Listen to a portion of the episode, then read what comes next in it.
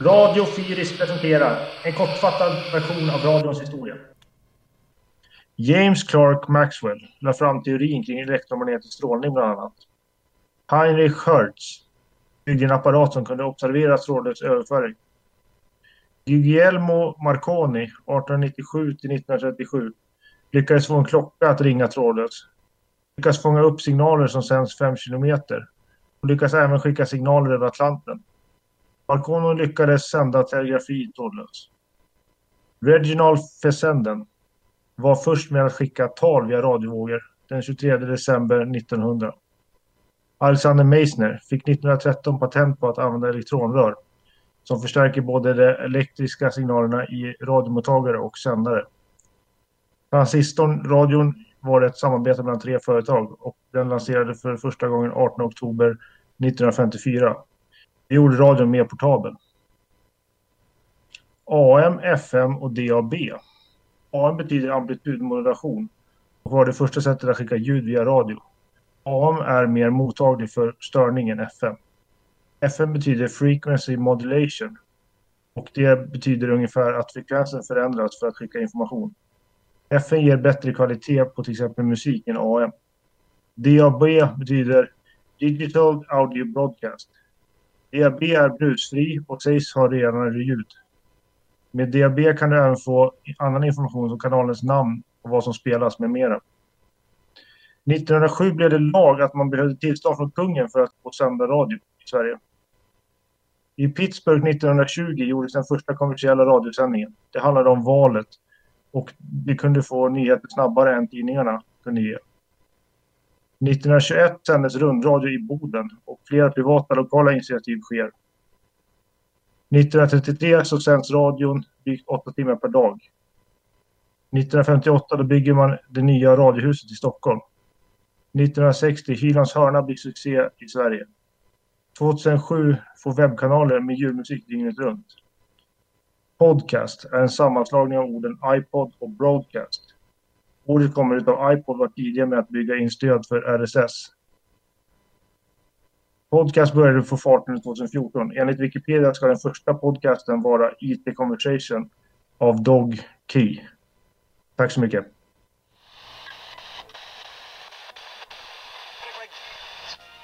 Nu blir det en intervju med Martin från Uppsala radioklubb SK5DB.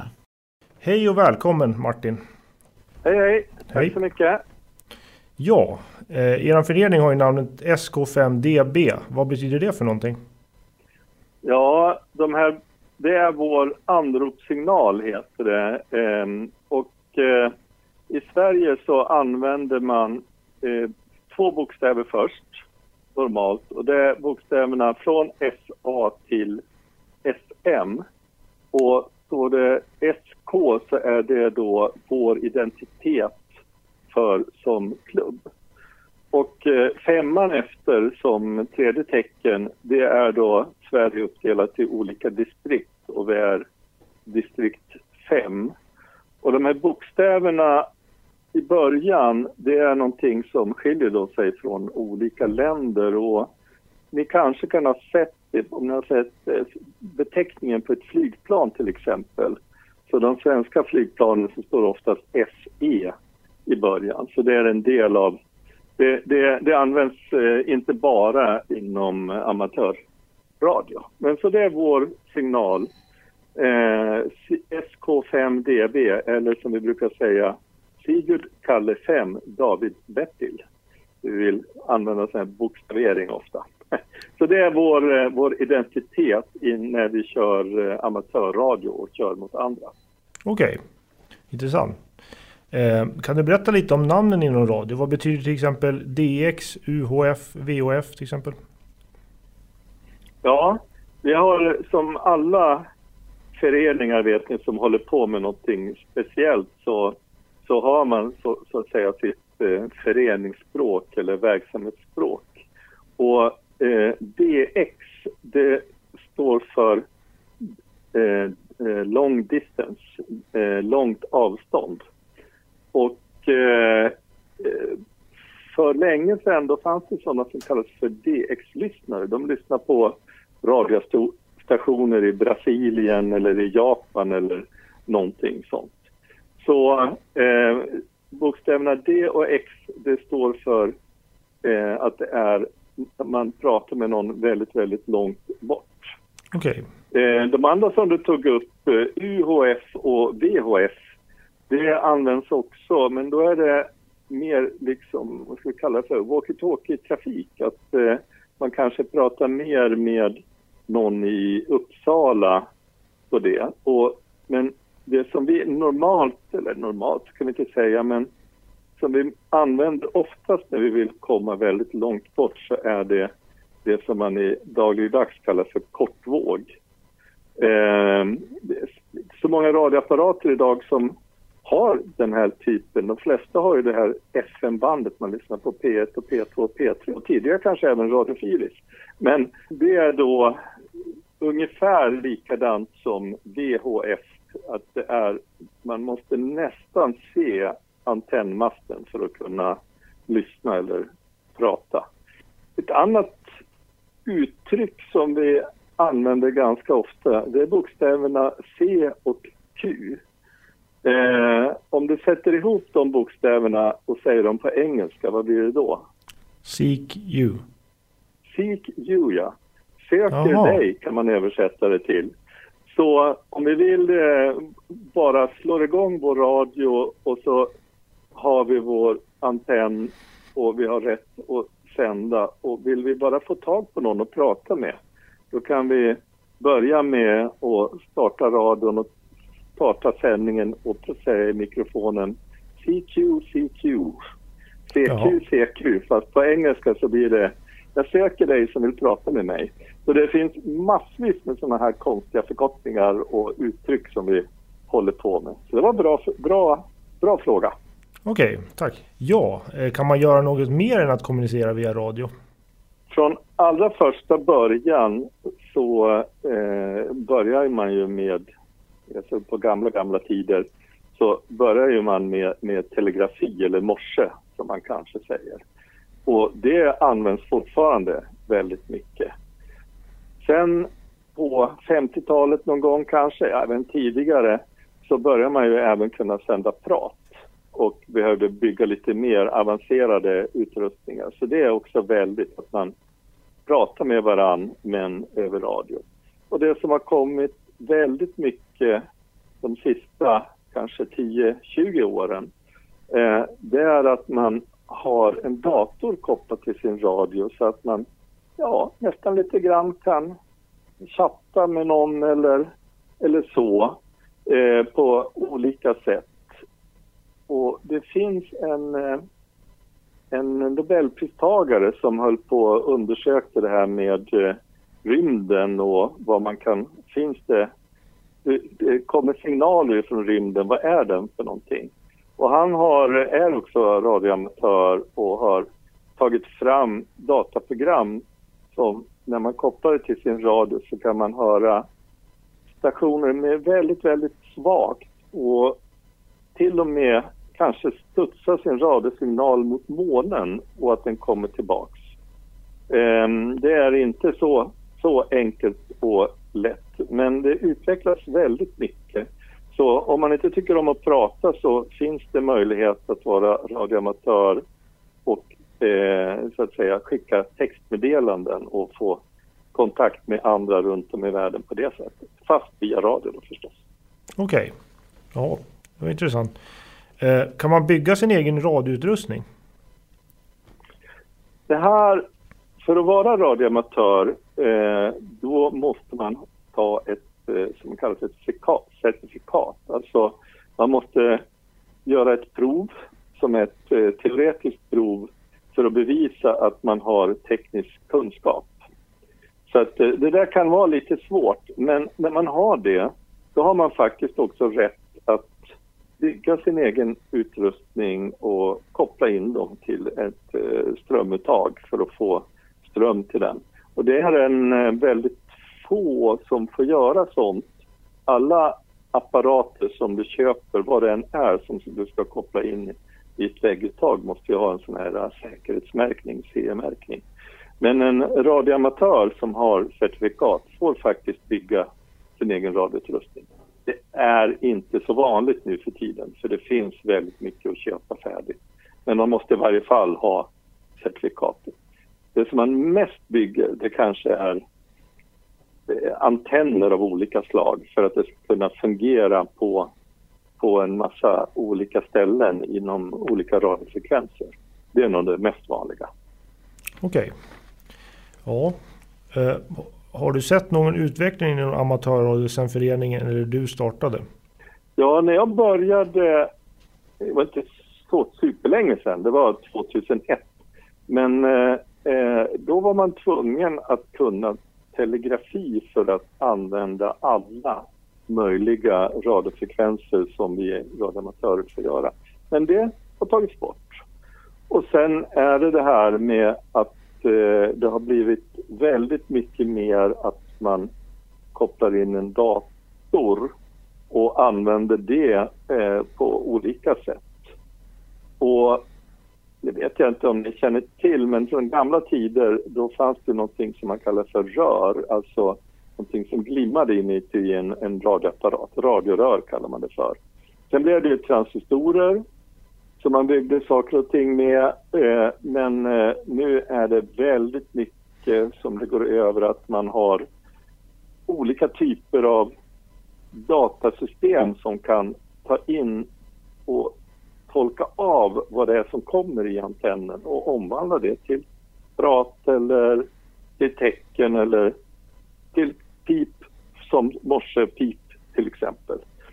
Så att eh, det, det händer väldigt mycket och radioamatörer har varit, är oftast väldigt mycket eh, lite små uppfinnare kan man säga, uppfinnarjockar eller jockor eller vad man säger. Alltså man uppfinner väldigt mycket och testar olika saker och det är det egentligen är som är eh, grunden för att man är radioamatör. Det är att man är intresserad av att experimentera och försöka förstå hur det fungerar och upptäcka saker. Okej. Okay.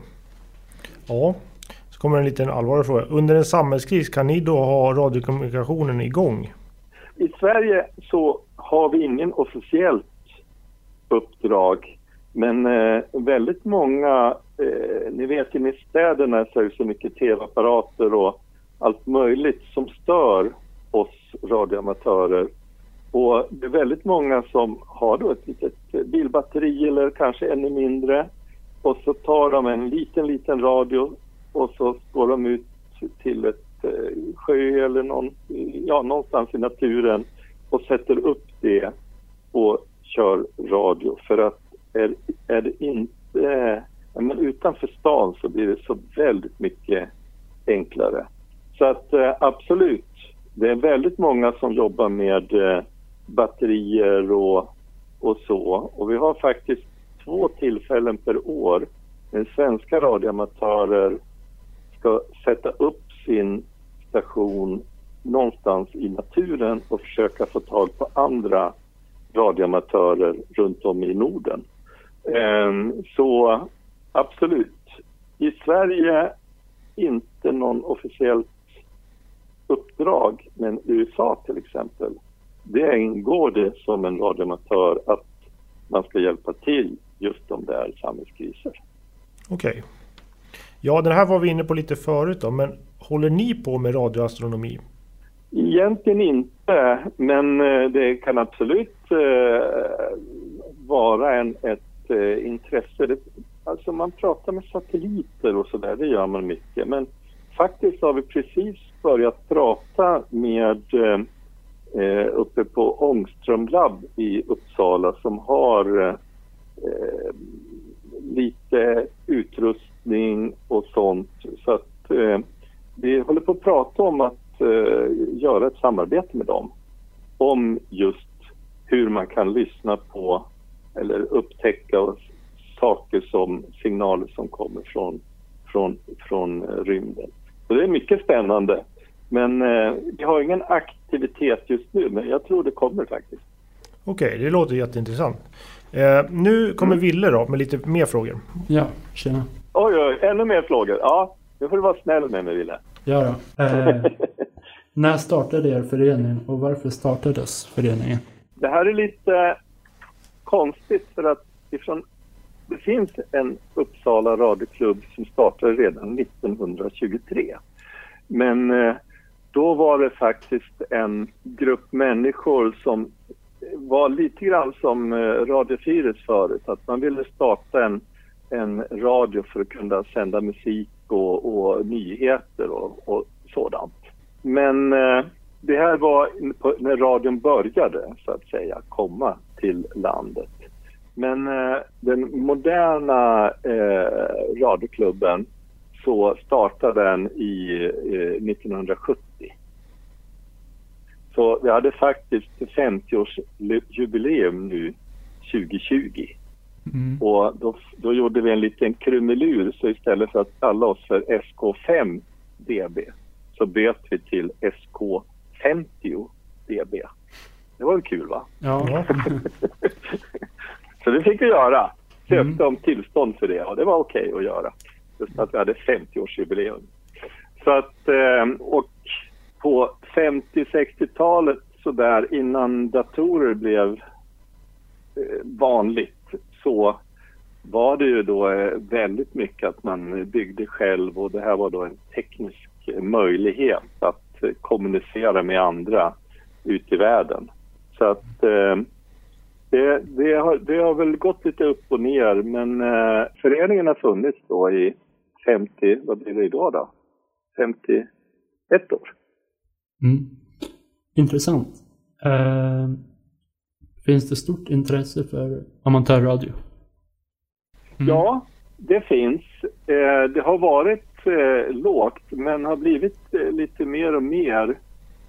och vi har märkt att det också kommer en del, en del yngre och kanske också sådana som tycker att det är lite häftigt det här att man behöver inte mer än ett batteri, en radio och en antenntråd och sen kan man vara ute i skogen och kommunicera med andra som är väldigt långt ifrån. Mm. Uh, så att uh, det finns mycket, också det här med att uh, datasystem gör väldigt mycket så att man behöver kanske inte ha de här jättestora antennerna och jättestora radio apparaterna för att kunna nå långt. Så att mm. Eh, det, det ökar. Det är väldigt häftigt. Har ni många medlemmar? Vi har lite över 60. Jag tror vi har 62 eller någonting sånt där. Men lite över 60 medlemmar. Och eh, i alla åldrar. Vi har några några få kvinnor som är medlemmar men tyvärr så är det faktiskt Eh, mest, mest eh, eh, män som håller på. Men eh, eh, de kvinnor som är radioamatörer tycker det är jättekul för man kan ju få prata med folk från hela världen och det finns mycket tekniskt och intressant att ta reda på. Man behöver inte vara eh, liksom någon som sitter och löder saker i sin källare hela kvällarna om man inte vill. Vad innebär det att vara radioamatör? Ja, när man har tagit det där certifikatet då, då har man rätt att använda egenbyggd utrustning som vi pratade om tidigare. Och så har man eh, också möjlighet att eh, sända och ta emot signaler på vissa frekvenser, alltså vissa delar av radioutrymmet. Andra delar kanske är militärerna som använder eller att man, man sänder liksom en musikradio eller båt trafik eller någonting sånt. Men på vissa delar har vi möjlighet att sända och använda de banden. Så för undersökningar, experiment och eh, kommunikation. Det finns ju faktiskt en möjlighet. Det finns någonting som heter privatradio och någon ställer till på banden så man får sända och prata med andra utan att ta det här certifikatet. Mm. Men eh, som eh, radioamatör med certifikat så har man mycket, mycket, mycket större möjligheter. Mm. Intressant. Vill du berätta lite om vad amatörradio är?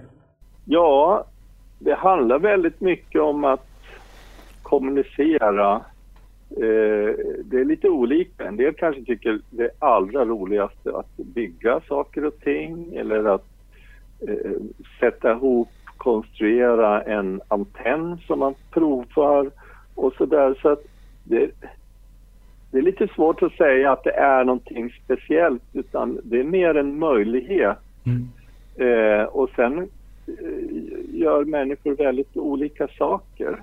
Vi har till exempel en person som bor ute i Rasbo. Han är jätteintresserad av och är väl nästan till, ja han var bäst i världen att eh, köra radiokommunikation där man skickar signaler mot månen som får studsa tillbaks till, ja, någonstans i Japan kanske eller någonting. Och så pratar man via att radiosignaler går via månen. Det kanske låter enkelt Intressant. men det är faktiskt väldigt, väldigt svårt. Ska vi gå så där långt i, i vanliga radioamatörer så då är det eh, helt andra system i rymden som vi använder, eller egentligen i atmosfären kan man säga. Så att det är lite, en del kanske tycker det är konstigt, varför ska man, man kan väl bara starta någonting på internet så kan man prata med vem man vill nästan. Men eh, det är också lite skärmen när man faktiskt inte vet om det, Mm hur det kommer att fungera. Det är som man ska gå ut och meta fisk kanske. Så vet man ju faktiskt inte om man kommer att få någon fisk. Mm. Och någon dag kanske man får en fisk och en annan dag får man inte en fisk. Och det är lite grann så här också. Det är lite spännande och man vet aldrig riktigt vad som kommer att dyka upp. Nej, det är häftigt. Hur går man tillväga för att börja med amatörradio? Vad behöver man för utrustning? Ja, alltså det, om man vill är intresserad så har vi i vår klubb så söker man på internet på SK5DB så kommer man att se att eh, vi har dels kurser eh, som är man medlem i klubben så får man delta i de kurserna. Tyvärr har de gjort dem lite svåra. Eh, väldigt mycket att lära sig men det, det finns kurser och eh, det finns också prov som man kan få köra hur många gånger man vill så att eh, man kan lära sig ganska mycket på den vägen. Och eh, utrustning, vi har på i vår klubb så har vi radioutrustning som medlemmar kan använda med antenn och radio och sånt där. Så att det är ju en, en eh, bra möjlighet som man har som klubbmedlem. Men annars, vill man lyssna på radio bara så finns det faktiskt webbkanaler, alltså en webbradio, en radio som är kopplad till en webbsida som man kan hitta och som man faktiskt kan byta och flytta och ställa in för att lyssna på olika saker. Så för att komma igång och prova på så behöver man inte skaffa sig så mycket utrustning själv utan mer då se om man tycker att det här är väldigt intressant att hålla på. Annars är det då att man ska köpa en radio, man ska ha en antenn och så. Så det är en del teknik inblandat tyvärr. Mm. Men det är klubben bra för. Mm. Eh, nu kommer sista frågan. Eh, Ja, vad är det roligaste ni har fått in på radio? ja man blir alltid förvånad. Ni vet, en vanlig glödlampa har ju, står ju någonting, 40 watt eller 60 watt eller någonting sånt där, eller hur? Mm. Och jag hade en, eller har en liten radio som maximalt sänder ut 5 watt. Och jag kopplade in den radion på antennen som finns i vår klubbstuga. Vår, vi har en liten stuga som ligger i, i Nåntuna.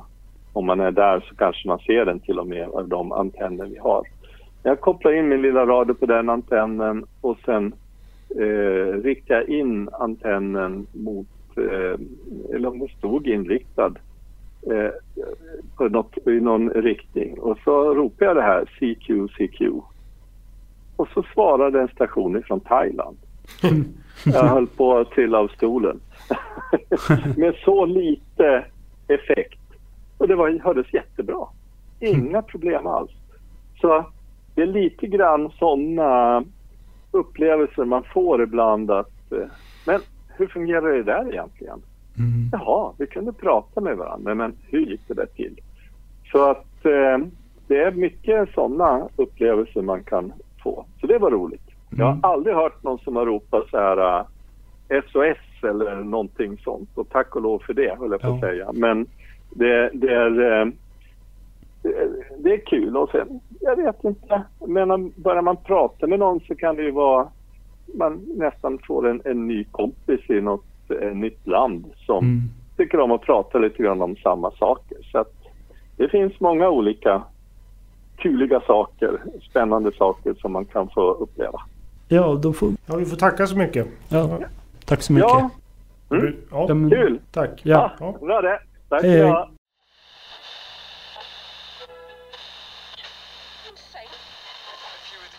Hej och välkomna till Virre om special med min bisida på andra sidan bordet. Yes, som vanligt. Vi har trängt oss in i ett nytt program. Ja, Ja, det här är Andreas och eh, ja, Virre om special eh, gästar, eller snarare tar över nu. jag tar över eh, storprojektet. Ja, härligt tycker jag. Ja, vi, vi nästlar oss in lite i andra program Mm. också.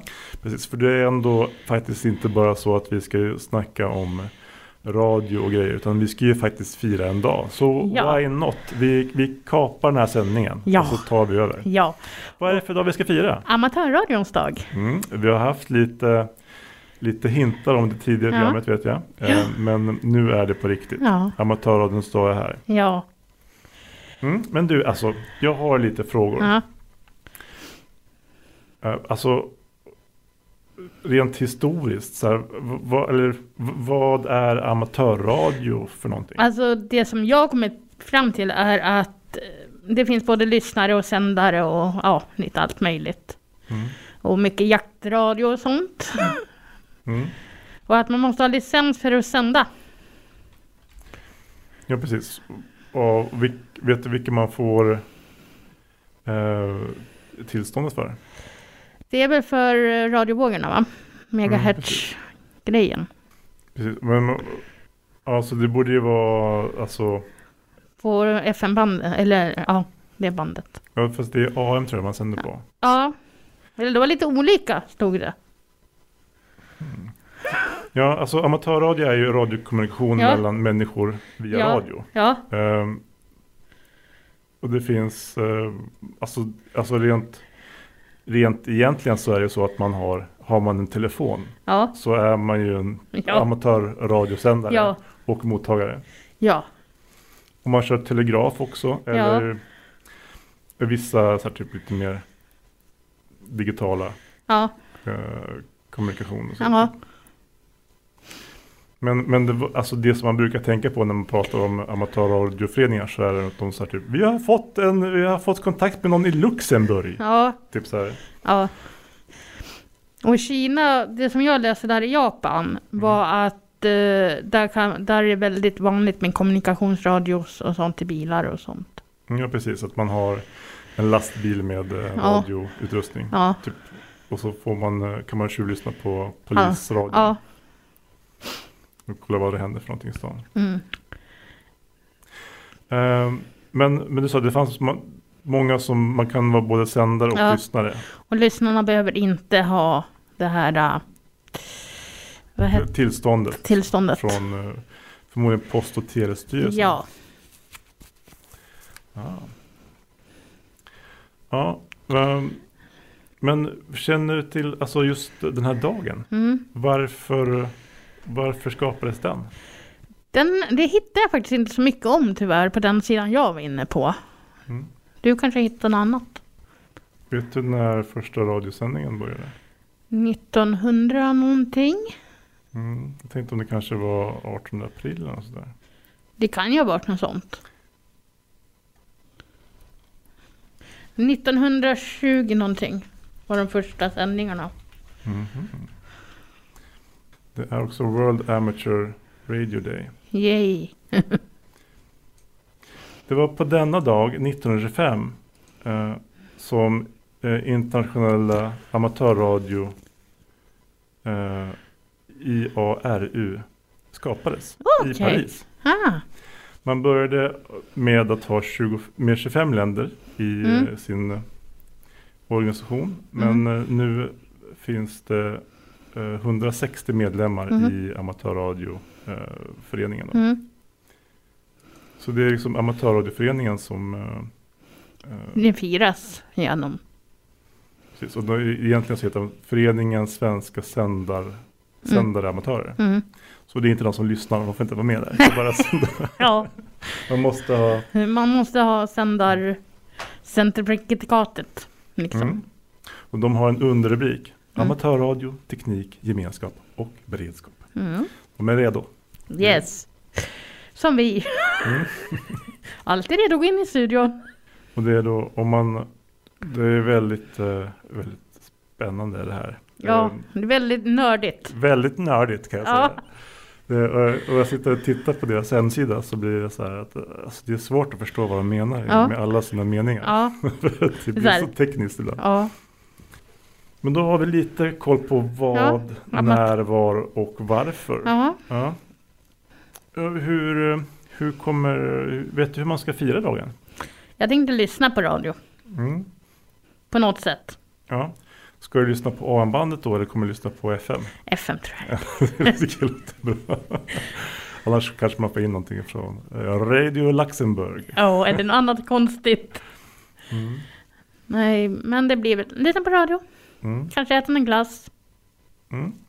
Härligt. Mm. Ska vi ta och lyssna på en låt då? Ja, och vad har vi för låtar den här veckan? Du får hitta på något med radio. Jag tycker att vi lyssnar på Radio Gaga med Queen. Ja.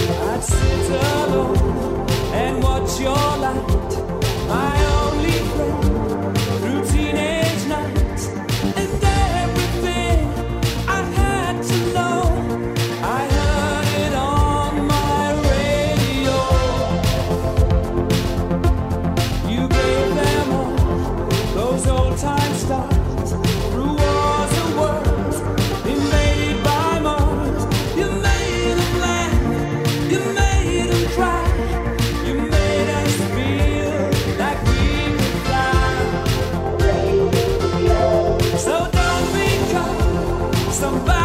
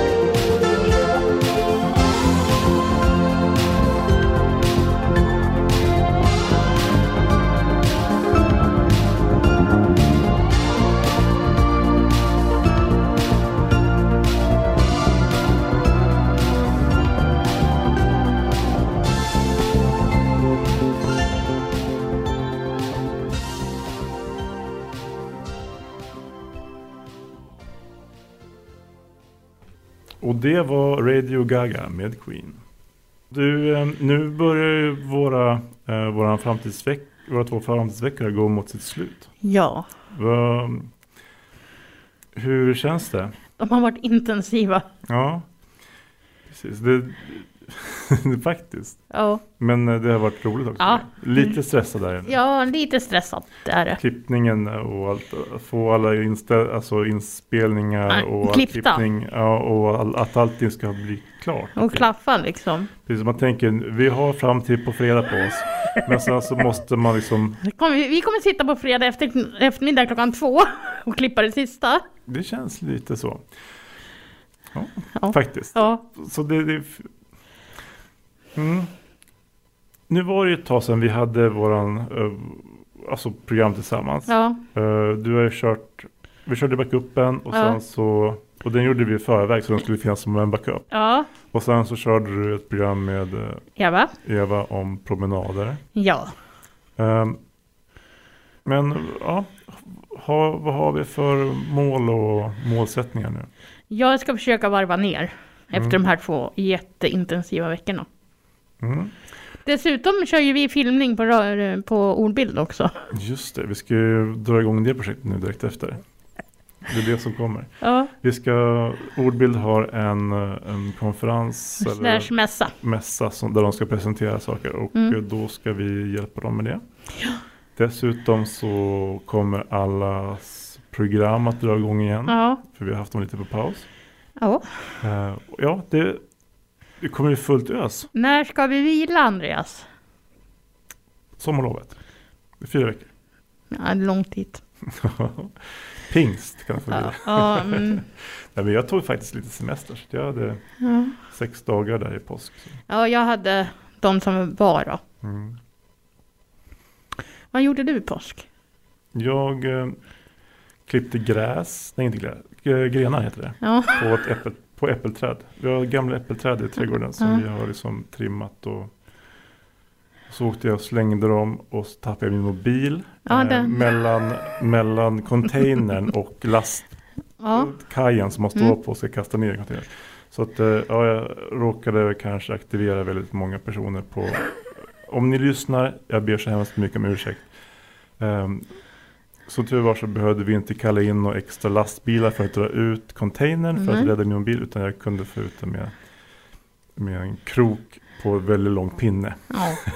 så tur var. ja. Men det kändes lite grann som att så här, ska jag dra min mobil som ligger upp och ner nu längst, eh, längst asfalten med en jättelång eh, metallkrok här. Det, Ja. ja. det gick. Det Och känns... det blev faktiskt inga repor. Oh. Tur med. Det var mycket, det var ju blad och grenar Ja, och sånt som hade ja. åkt ner där också. Så det låg ju inte direkt mot asfalten. Nej. Så den klarade sig väldigt bra. Själv så körde jag lite spahelg ute hos mamma och pappa. Mm, det. Bubbelpool, gott att dricka, gott att äta. Mm. Men du, innan vi lyssnar på din låt, eh, Radio av, Rammstein. just det. Så vad blir nästa program? Helt ärligt så har jag inte riktigt koll på det. Vi får hitta på något, kanske vara lite kreativa. Ja, just det. Det är kreativitetens dag nästa gång. Precis. Jag råkade faktiskt veta, jag kollade i, Ja. i våran planering här tidigare. Så då, vi får se vad vi pratar om nästa gång. Kreativiteten flödar. Ja. Så det kan ju handla om precis vad som helst. och Det kan spåra ur. Mer det än... kanske borde göra det mer Ja. än vanligt. Ja. Mm. Ja. Då så. Ja, då- Då kommer... Rammstein med Radio.